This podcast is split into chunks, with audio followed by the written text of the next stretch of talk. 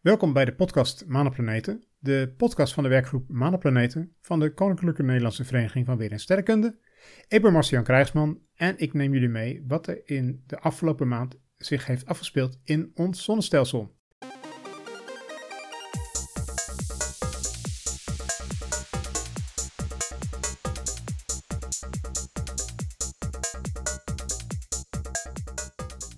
En daarvoor beginnen we aan de binnenkant van het zonnestelsel. Mercurius slaan we even over, daar is niet zoveel nieuws over. We gaan gelijk door naar Venus. En van Venus was het nieuws dat Venus vroeger platentectoniek heeft gehad. Net zoals de aarde. De platentectoniek waardoor de continenten langzaam verschuiven over de vele miljoenen jaren. Nou, Venus zou dat ook gehad kunnen hebben. Dat zeggen ze op basis van computersimulaties. En ja, dan moet je dan altijd maar even afvragen van, is dat nu zeker? Ik denk het niet. En daarvoor zullen we allerlei missies moeten sturen naar Venus om dat verder te bevestigen of te ontkennen. Nou, dat komt goed uit, want er zijn een hoop missies naar Venus gepland de komende jaren. Van NASA, van ESA, van China, van India. En er is ook een commerciële missie gepland om naar Venus gestuurd te worden. Dat is de Venus Lifefinder missie van eh, Rocket Lab en het Massachusetts of Institute of Technology.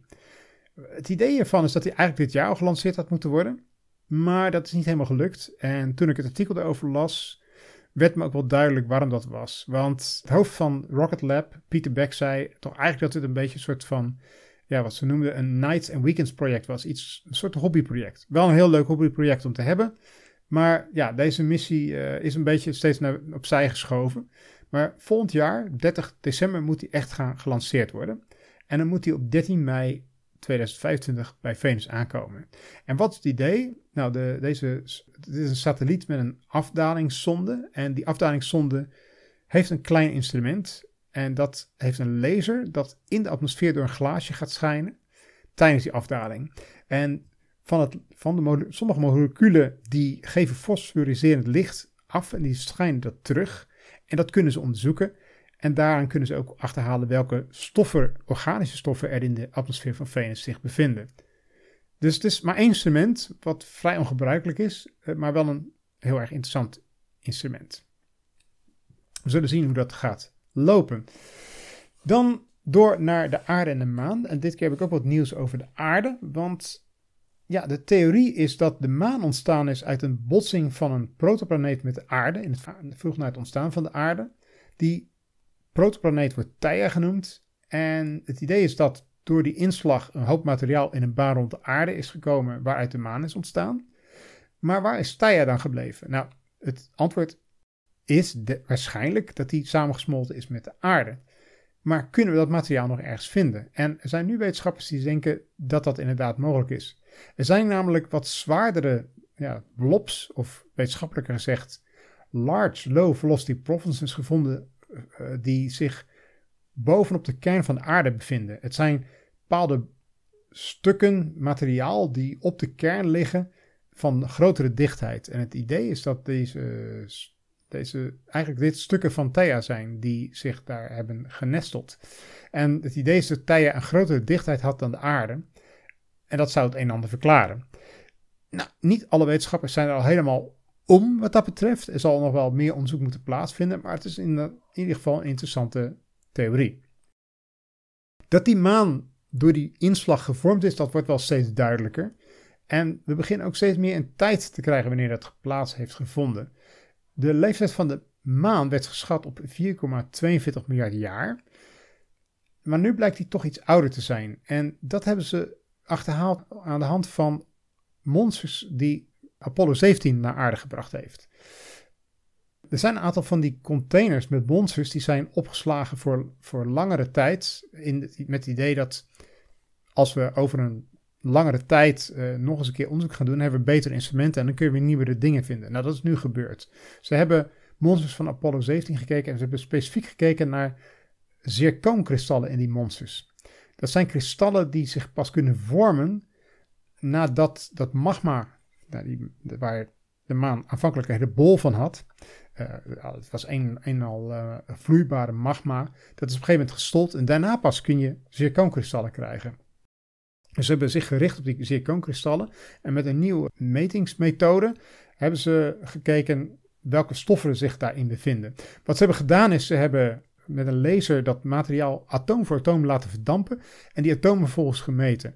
En op basis daarvan door, hebben ze kunnen, daar hebben ze kunnen kijken naar specifiek uranium. En uranium heeft een bekende vervaltijd.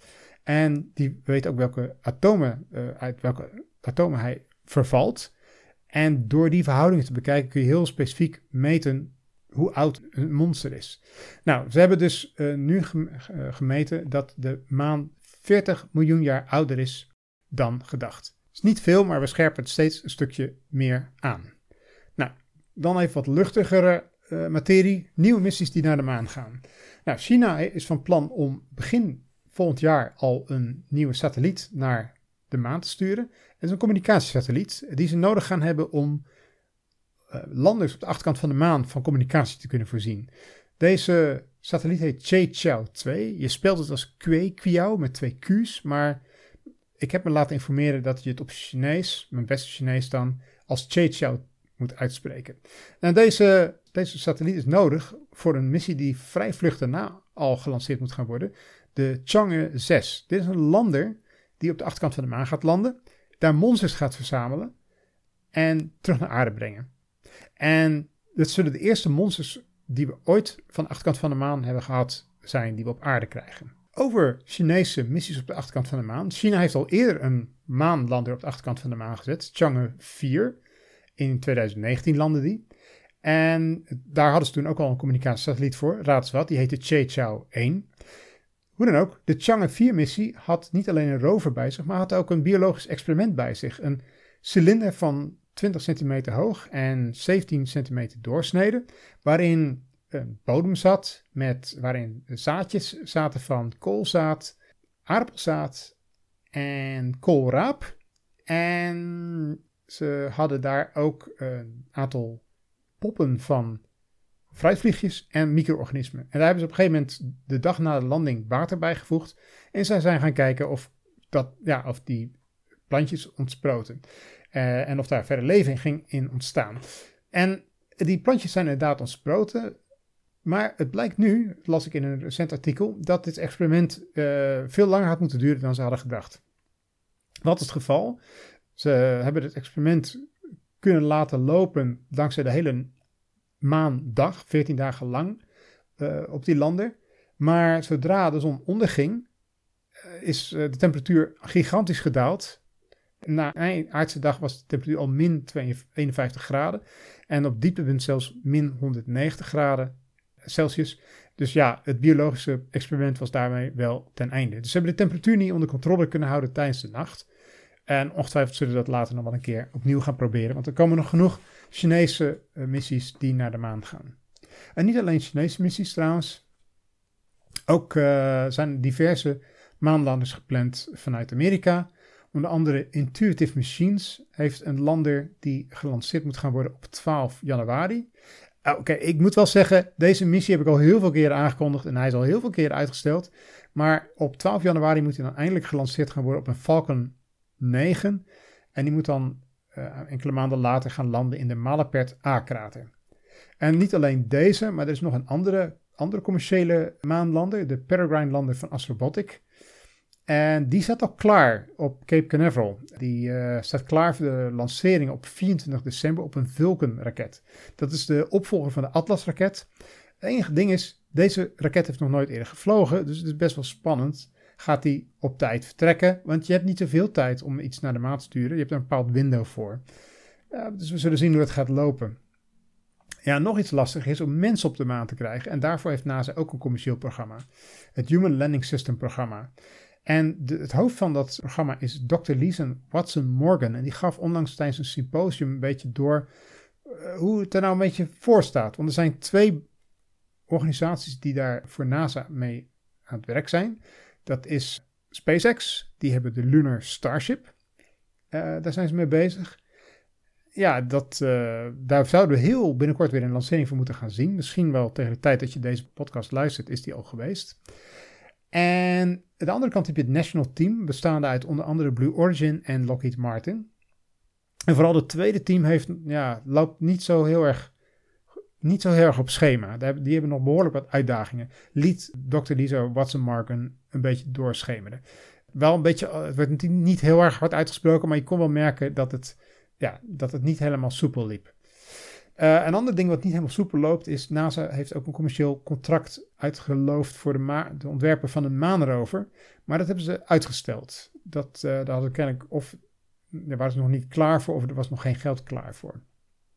En er zijn nog meer landen die mensen op de maan willen zetten. China weten we het van. Die hebben dat gepland in 2030. En ook India, of in ieder geval premier Modi van India heeft aangekondigd dat India in 2040 mensen op de maan wil zetten. India is al bezig met een bemenst ruimtevaartprogramma, het Gaganyaan ruimteschip. Daar is een test mee gedaan dit jaar en het zal waarschijnlijk wel volgend jaar een, een orbitale vlucht hebben, vermoed ik.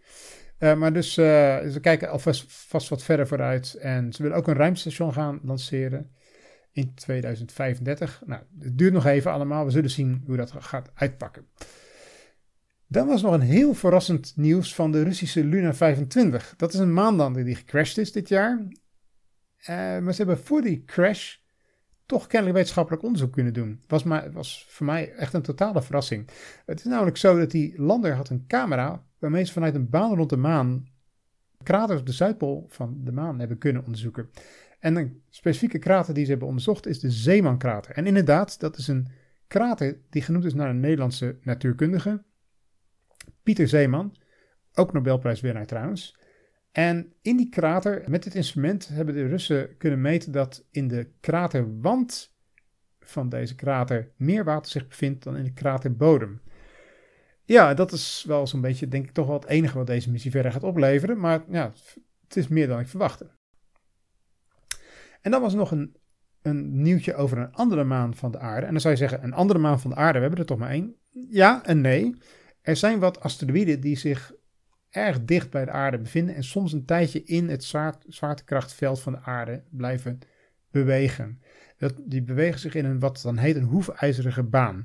En uh, een van die asteroïden, wat zijn eigenlijk asteroïden, heet uh, Kamo Oalewa. En van Kamo Oalewa was al het vermoeden dat het ja, wel eens afkomstig zou kunnen zijn van de maan. Want het spectrum, de samenstelling van dat object, was wel, leek wel heel erg dat, op dat van de maan. Maar ja, dan moet je toch nog wel kunnen aantonen dat zo'n object ook door een inslag van de maan in, een baan, in zo'n baan kan terechtkomen. En dat hebben ze met computersimulaties gedaan en ze hebben inderdaad aangetoond dat is in speciale omstandigheden inderdaad mogelijk. Dus het lijkt er heel erg op dat Kamo Oalewa ontstaan is na een inslag van de maan. Daar zullen we meer zekerheid over hebben over een paar jaar, want er is een Chinese missie die daar naartoe gestuurd zal worden. Ja, dan was er nog wat droeviger nieuws. Twee Apollo-astronauten zijn afgelopen tijd overleden. Nou waren die Apollo-astronauten natuurlijk al behoorlijk oud. Uh, het gaat om Ken Mattingly van Apollo 16 en Frank Borman van Apollo 8. Allebei zijn ze in een baan rond de maan. Allebei zijn ze in een baan rond de maan geweest. Frank Borman was de commandant van Apollo 8, de eerste vlucht in een baan rond de maan. Uh, dat was wel een heel gewaagde missie destijds. Hij was al 95 jaar. Ja, dat is wel het ding. Die missies zijn al 50 jaar geleden. Uh, het wordt tijd dat we een nieuwe generatie van maanbezoekers gaan krijgen. Door naar Mars. En ja, bij Mars had ik aanvankelijk goed nieuws voor de Mars Sample Return uh, missie. Het Mars Sample Return programma waar NASA en ESA aan werken. Maar na de hand bleek het toch niet zo te zijn, helaas. De Mars Sample Return missie beoogt dus monsters van, van Mars naar aarde te brengen. En dat is een heel complex programma en ook een heel duur programma. En ja, aanvankelijk was er goed nieuws dat uh, de US House, een soort Tweede Kamer denk ik dan van de Verenigde Staten, dat die het programma helemaal ging uh, voorzien van budget. Dat budget zou helemaal betaald worden. Alleen wel de kanttekening was dat NASA niet kon meedoen aan het Europese Rosalind Franklin rover project. Uh, daar had ESA hulp bij nodig, want die zouden aanvankelijk met de Russen naar Mars gaan met deze rover. Maar ja, oorlog in Oekraïne, dus dat is niet doorgegaan. En dus zocht uh, ESA andere mogelijkheden. Maar goed, het recentere nieuws is dat de Amerikaanse Senaat besluit om juist niet, eh, die zijn niet van plan zoveel te betalen. En NASA heeft nu besloten in afwachting daarvan het project op een lager pitje te zetten.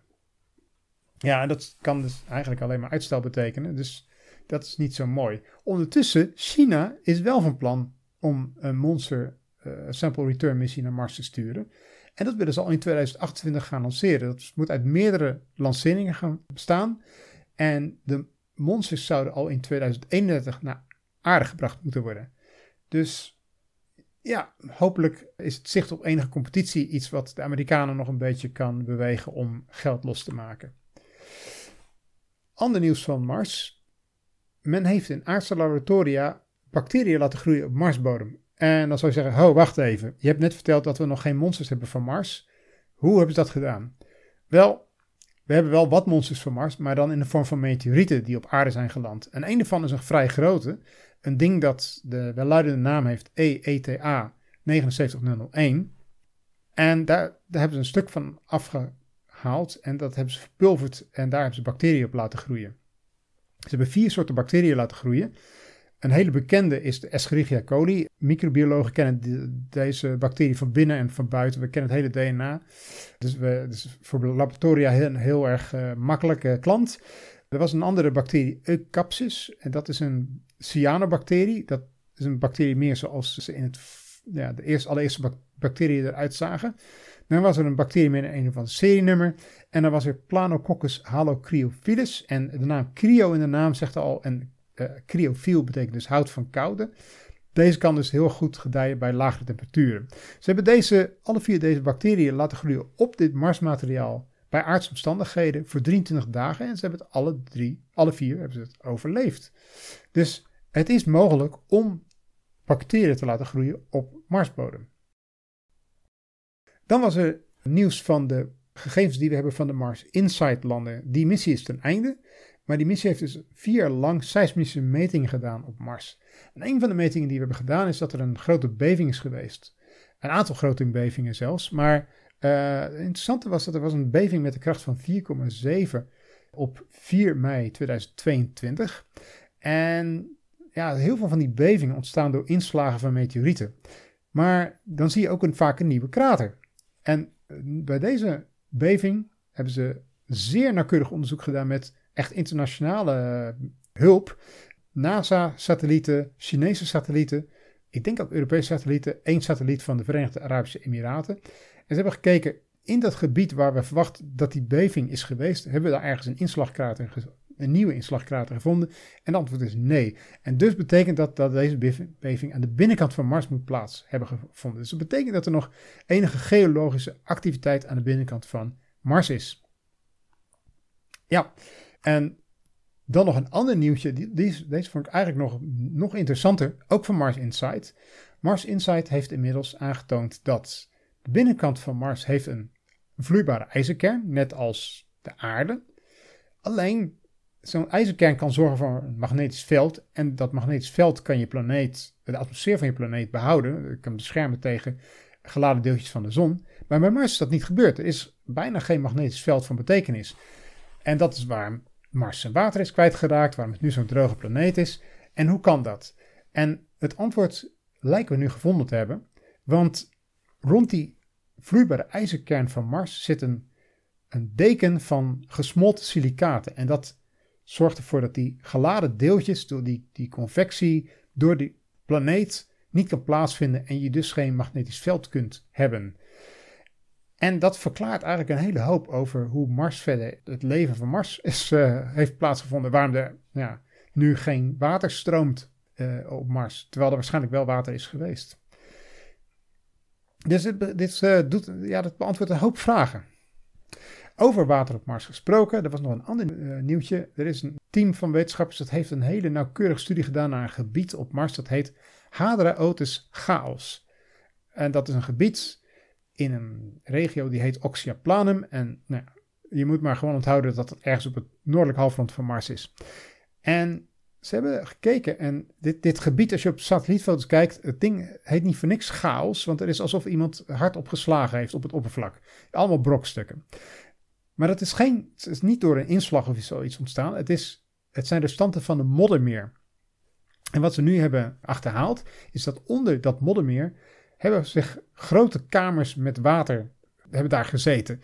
Dat niet alleen, het heeft zich ook uh, lange tijd opgehouden. Dat water, dat vloeibare water, heeft zich waarschijnlijk 1,1 miljard jaar zich daar bevonden. Onder het oppervlak. En dat is een hele, hele lange tijd. Ook een hele lange tijd waarin allerlei processen zich kunnen plaatsvinden en misschien leven kan ontstaan of verder kan ontwikkelen. Dus wat deze wetenschappers zeggen is, als je in de toekomst ergens gaat landen om restanten te vinden van voormalig leven, ga naar deze plaats. Het enige ding is, het ding heet niet voor niks chaos. Een landing daarbij, eh, in, tussen al die brokstukken, dat zal nog best wel een uitdaging zijn, denk ik. Maar goed. En dan nog een laatste nieuwtje van Mars. De TraceCast Orbiter van de Europese Ruimtevaartorganisatie en de Russische Roscosmos doet nog altijd wetenschappelijk onderzoek. Ja, er is inderdaad nog altijd een satelliet rond Mars die van zowel ESA als eh, de Russische eh, ruimtevaartorganisatie Roscosmos is. En je hoort er bijna nooit wat van. Maar nu toch wel dat. Uh, want wat hebben ze gevonden? Ze hebben gevonden dat Mars, de Marsatmosfeer rond de polen een groene gloed heeft. En dat is geen poollicht.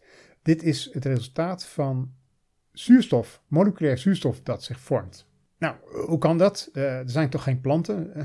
nee, uh, dit werkt anders. De atmosfeer van Mars bestaat uit kooldioxide. En aan de zonnekant wordt dat in de hogere atmosfeer afgebroken tot koolmonoxide en zuurstofatomen. Die zuurstofatomen komen bij de polen samen en aan de nachtkant reageert dat weer tot moleculair zuurstof en daarbij wordt een groene gloed uitgezonden. En die kun je dus zien. Niet alleen met satellieten. Volgens het onderzoek je ze zelfs als als astronauten op de, je zou begeven rond de polen van Mars, zou je het aan de nachtelijke hemel kunnen zien. Zou je die groene gloed kunnen zien. dat is best wel een interessant resultaat. Nou, door naar de asteroïden. En onderweg naar die asteroïden is een nieuwe NASA-missie, de Psyche-missie. Die is gelanceerd op 13 oktober op een Falcon Heavy raket. En het duurt nog even dat hij bij zijn doelwit is, maar het doelwit is een asteroïde die ook Psyche heet. Nou had ik het net al over de binnenkant van Mars, dat het uh, een kern is met vloeibare ijzer. Wel, de, psyche, de asteroïde Psyche is waarschijnlijk een restant van een protoplaneet, van de kern van zo'n protoplaneet, en die bestaat ook uit ijzer. En dus heel erg interessant, want we kunnen eigenlijk een soort uh, planeetkern aan de oppervlakte bekijken en onderzoeken met deze missie. Uh, ook schijnt het hele interessante kraters op te leveren, die heel anders eruit zien dan wanneer kraters inslaan op gewoon gesteente, zeg maar. En dan hebben we nog, een, we nog al die monsters die de Osiris-Rex-missie heeft teruggebracht naar aarde in september dit jaar. En dit is best wel, dit is best wel een beetje maf hoe dit zich aan het ontvouwen is. Ze hebben dus die capsule ontvangen op in, de, in Utah. Die is gebracht in een beveiligde omgeving, waardoor geen organische stoffen van aarde bij kunnen komen. En het blijkt dus dat er is een monsterring waar al die monsters in zijn opgeslagen. Maar buiten die ring is ook al heel veel materiaal gevonden. Uh, sterker nog, het doel van de Osiris-Rex-missie was om minstens 60 gram aan monsters van de asteroïde Bennu te verzamelen. En ze hebben nu al 75 gram aan monsters verzameld. Dus aan de ene kant, missie geslaagd. Aan de andere kant, die monstering, die krijgen ze niet open. En daar hebben ze nog meer, dat gaan ze ongetwijfeld wel voor elkaar krijgen, maar ze hebben daar uh, meer kracht voor nodig, lijkt het. En dat, ja, je, je hebt, ze hebben daar materiaal voor nodig dat eerst netjes in die beschermde omgeving uh, gebracht kan worden. En geen, zonder dat het organische stoffen toevoegt aan de hele situatie. Maar dus, ze hebben wel al uh, dus, genoeg monsters verzameld. En een paar van die monsters zijn ook al aan het publiek getoond. Er is een stukje Bennu tentoongesteld in Washington DC in het National Museum of Natural History, waar ze een hele grote zaal hebben met meteorieten. En daar kan je nu dus ook een stukje Bennu bekijken in een beschermde container.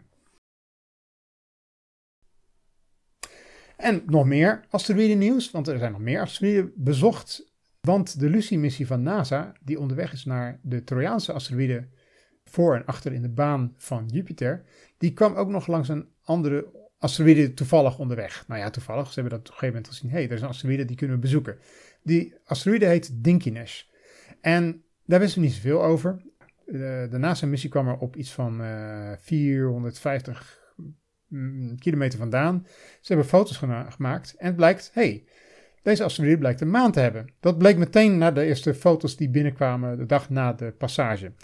Maar een week later kwamen nog meer foto's binnen en het blijkt dat die maan bestaat ook weer uit eigenlijk twee manen.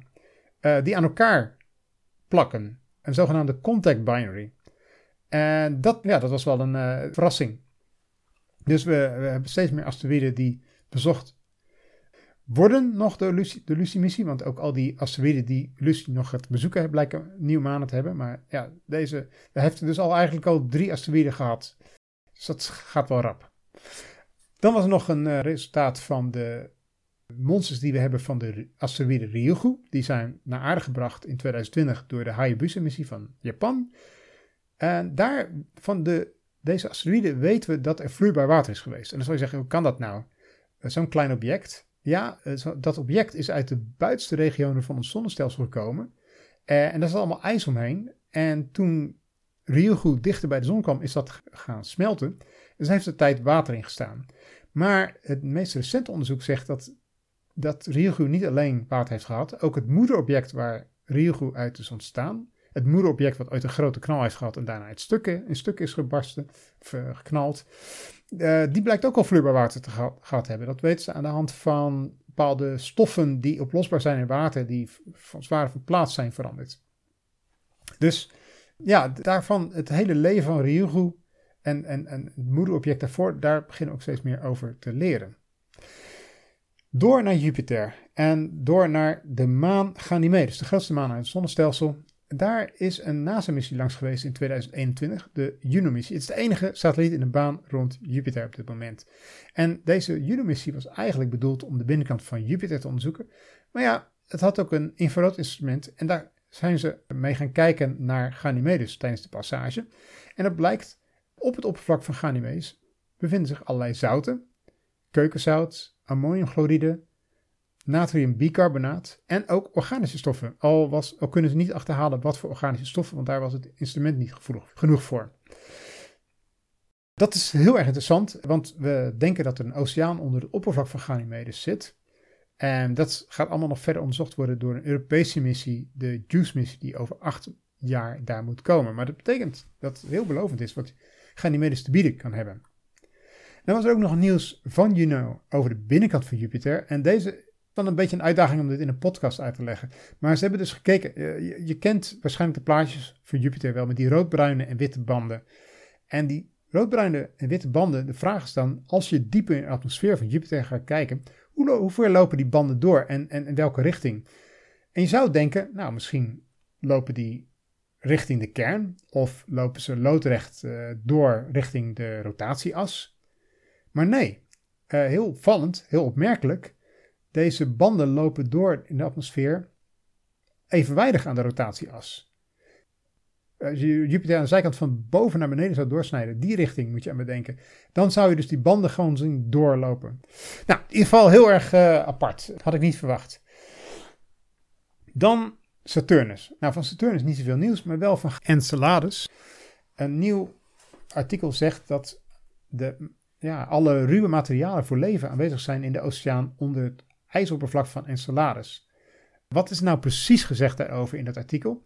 Wel, we weten al dat Enceladus een oceaan onder, het oppervlak heeft, dat het waarschijnlijk vloeibaar is. Dat we hebben allerlei gijzers daarvan gezien. De Cassini-missie is een aantal keer door die gijzers gevlogen en heeft dus stoffen kunnen meten. Alleen kost wat meer tijd om te achterhalen wat die stoffen precies zijn. En daar kwam nu wat meer resultaten over naar buiten. En eigenlijk kun je zeggen dat in, die, in dat water zit zowel koolstof, waterstof, stikstof en fosfor. En dat is allemaal ja, nodig. Het zijn allemaal atomen die je nodig hebt voor, om leven te kunnen hebben. En wat hebben ze nu gekeken? Ze hebben naar de, de verhoudingen van die stoffen gevonden. En die lijken heel erg op de verhoudingen die je ook vindt in de aardse oceanen. Met andere woorden, nog meer redenen om, ja, eigenlijk meer onderzoek te gaan doen naar Enceladus. Er zijn hele goede redenen om meer onderzoek te gaan doen naar Enceladus. Voorlopig zijn er nog geen plannen voor. Ja, er zijn wel plannen voor, maar geen budget. Geen, uh, geen budget toegekend. Maar ja, het zou zeer nuttig zijn om nog eens een keer met een satelliet door die pluimen te gaan met betere analyseapparatuur. Om precies die atomen te achterhalen wat voor moleculen daarin zitten. En, en wat, of, of eventueel leven in zit.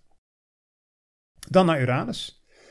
Uranus, daar zijn met de Keck-telescoop is daar pollicht gezien. En Pollicht, dat, ja, Uranus is een hele rare planeet. Uh, Uranus heeft een slag van de molen gehad in zijn vroege bestaan, waardoor hij onder een hele rare as uh, draait, een hele rare hoek draait. En het magnetisch veld van Uranus draait weer onder een andere, totale andere hoek. En nou ja, wat ze nu hebben gezien met dat, met dat poollicht in infrarood, kun je stoffen in dat poollicht volgen naar de binnenkant van Uranus. En je kunt daar meer leren over hoe Uranus zich aan de binnenkant uit moet zien. Dan gaan we nog verder het zonnestelsel uit, maar dan ook echt heel veel verder. Uh, naar, we gaan naar een aantal Kuipergor-objecten. Setna, Gongong en Quawar. Uh, drie Kuipergor-objecten met hele lange, langgerekte banen. En de James Webb Space Telescope heeft deze objecten bekeken. En het is echt fantastisch wat je allemaal met, dat, met die telescoop kunt. Want je kunt dus gewoon daar zien wat voor stoffen zich op het oppervlak van die objecten bevinden. En wat blijkt? Er zitten een aantal simpele organische stoffen op, acetyleen en ethyleen onder andere.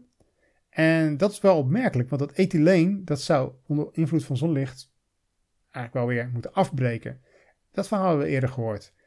Uh, stoffen die, zich, uh, die eigenlijk afgebroken zouden moeten worden onder invloed van zonlicht, maar op de een manier wordt het aangevuld van de, van de binnenkant van, van het object. Nou, dat denken ze dus dat hier ook aan de hand is. Er is waarschijnlijk methaan wat van binnenuit naar buiten zijpelt en die stoffen vormt, ook onder invloed van zonlicht.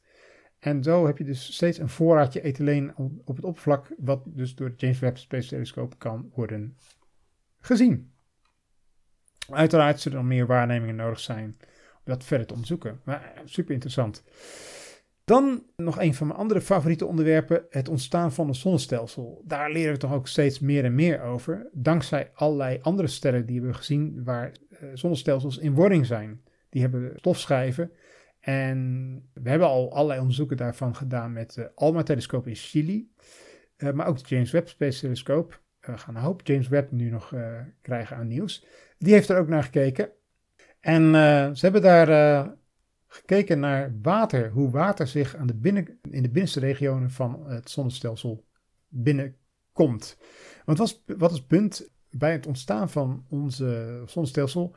Is de theorie dat wel water is geweest aan de binnenkant van het zonnestelsel, maar door de extreme activiteit van de zon in het begin is het allemaal verdampt en weggeraakt. En de vraag is dan, ja, maar hoe kunnen we dan planeten hebben met oceanen en, en water zoals aarde? En Mars heeft het ook gehad en mogelijk Venus ook. Wel, de James Webb Space Telescope heeft gezien dat er uit de buitenste regionen bij andere stofschijven stofkiezels zijn, een soort stoffige, lichte objecten te grootte van je duim, met waterijs erin, die van de buitenste regionen zich weer naar binnen werken. En zo kun je dus weer die vroege planeten weer voorzien van water, waar het eigenlijk al weg zou moeten zijn, volgens de oorspronkelijke theorieën. Dus we leren steeds meer hoe dat in elkaar steekt. Ja, en dan waren er nog wat exoplaneten die onderzocht zijn door de James Webb Space Telescope. En daar leren we ook steeds meer over atmosferen van exoplaneten. Zo bekeek de James Webb Space Telescope een hot Jupiter, WASP 17b. En opmerkelijk daar was, dit is een hot Jupiter, dus een gasplaneet, maar in de atmosfeer werd uh, kwarts gevonden, siliciumoxide. En het gekke daarvan is, je verwacht kwarts wel op een rotsachtige planeet, maar niet in een gasachtige planeet. Dus dit vraagt nog om een, eh, een verklaring. En het meest recente nieuws was dat de James Webb Space Telescope ook heeft gekeken naar een warme Neptunus. Ja, we vergelijken de planeten zoals we ze kennen in ons eigen zonnestelsel. En die blijkt wolken van zand te hebben en waterdamp. En zo verzamelen we steeds meer metingen van ja, hoe atmosferen van andere planeten eruit zien. En ja, we leren steeds meer over hoe planeten gevormd worden, wat er mogelijk is in een atmosfeer van een exoplaneet en wat niet. En ja, dit is super interessant. Ja, dan kijken we nog even vooruit. En wat kunnen we verwachten in de komende maand? Nou, als ik de podcast op tijd de deur uit krijg, dan ben je nog net op tijd om te horen dat er een lancering van een Starship moet plaatsvinden van SpaceX de enorme grote raket die mensen naar de maan en maar mogelijk ook naar Mars moet gaan brengen. En hopelijk gaat deze lancering gepaard met minder brokstukken en schade dan de vorige en hopelijk ook met meer succes. Nou, dat is alles wat ik heb voor de volgende maand. Behalve dan dat over een halve maand ik weer terugkom met de waarneemgids en dan voor december van dit jaar. Dan nog even dit. 16 december houden we weer onze halfjaarlijkse bijeenkomst van onze werkgroep. Dit keer bij Sterrenwacht Zevenaar, Corona Borealis. Die begint om 10 uur en we hebben allerlei interessante sprekers. Dus misschien vind je dat interessant. Als je vragen hebt of over deze podcast of over het zonnestelsel in het algemeen, stel ze op PR-functionaris apenstaartje manenplaneten.nl. En wil je lid worden? Ga dan naar manenplaneten.nl. Het is 20 euro per jaar en je zou ons er ontzettend mee steunen. Bedankt voor het luisteren en tot de volgende keer.